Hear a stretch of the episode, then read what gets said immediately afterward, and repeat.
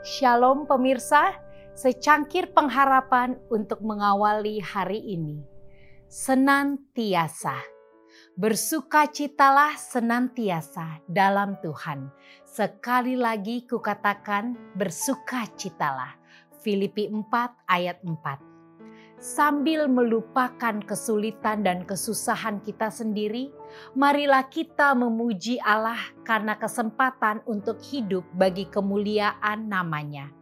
Biarlah berkat-berkat segar dari setiap hari yang baru membangkitkan pujian dalam hati kita akan tanda-tanda dari kasih pemeliharaannya.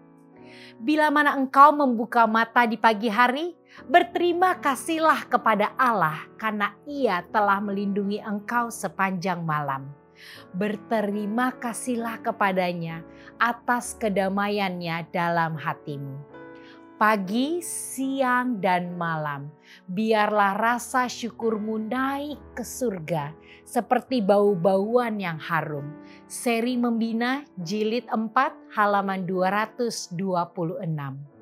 Sekali lagi kukatakan, bersukacitalah di dalam Tuhan, beristirahatlah di dalam Dia. Anda membutuhkan kuasanya, dan kuasa ini mungkin Anda miliki. Majulah dengan tegas, dengan gagah berani, dengan teguh. Anda mungkin salah dalam menilai, tetapi jangan kehilangan pegangan pada Yesus dia adalah hikmat, Dia adalah terang, Dia adalah kekuatan. Dia bagimu seperti batu karang yang besar di dunia yang letih. Beristirahatlah di bawah naungannya. Anda membutuhkan hikmat, dan Yesus akan memberikannya kepada Anda. Jangan menjadi tidak percaya. Semakin Anda didesak, disalahpahami, disalahartikan, disalah mengerti, semakin banyak bukti yang Anda miliki bahwa Anda melakukan pekerjaan untuk guru. Dan semakin erat Anda harus berpegang teguh pada juru selamat Anda. Dalam semua kesulitan Anda, tetaplah tenang dan tidak bimbang.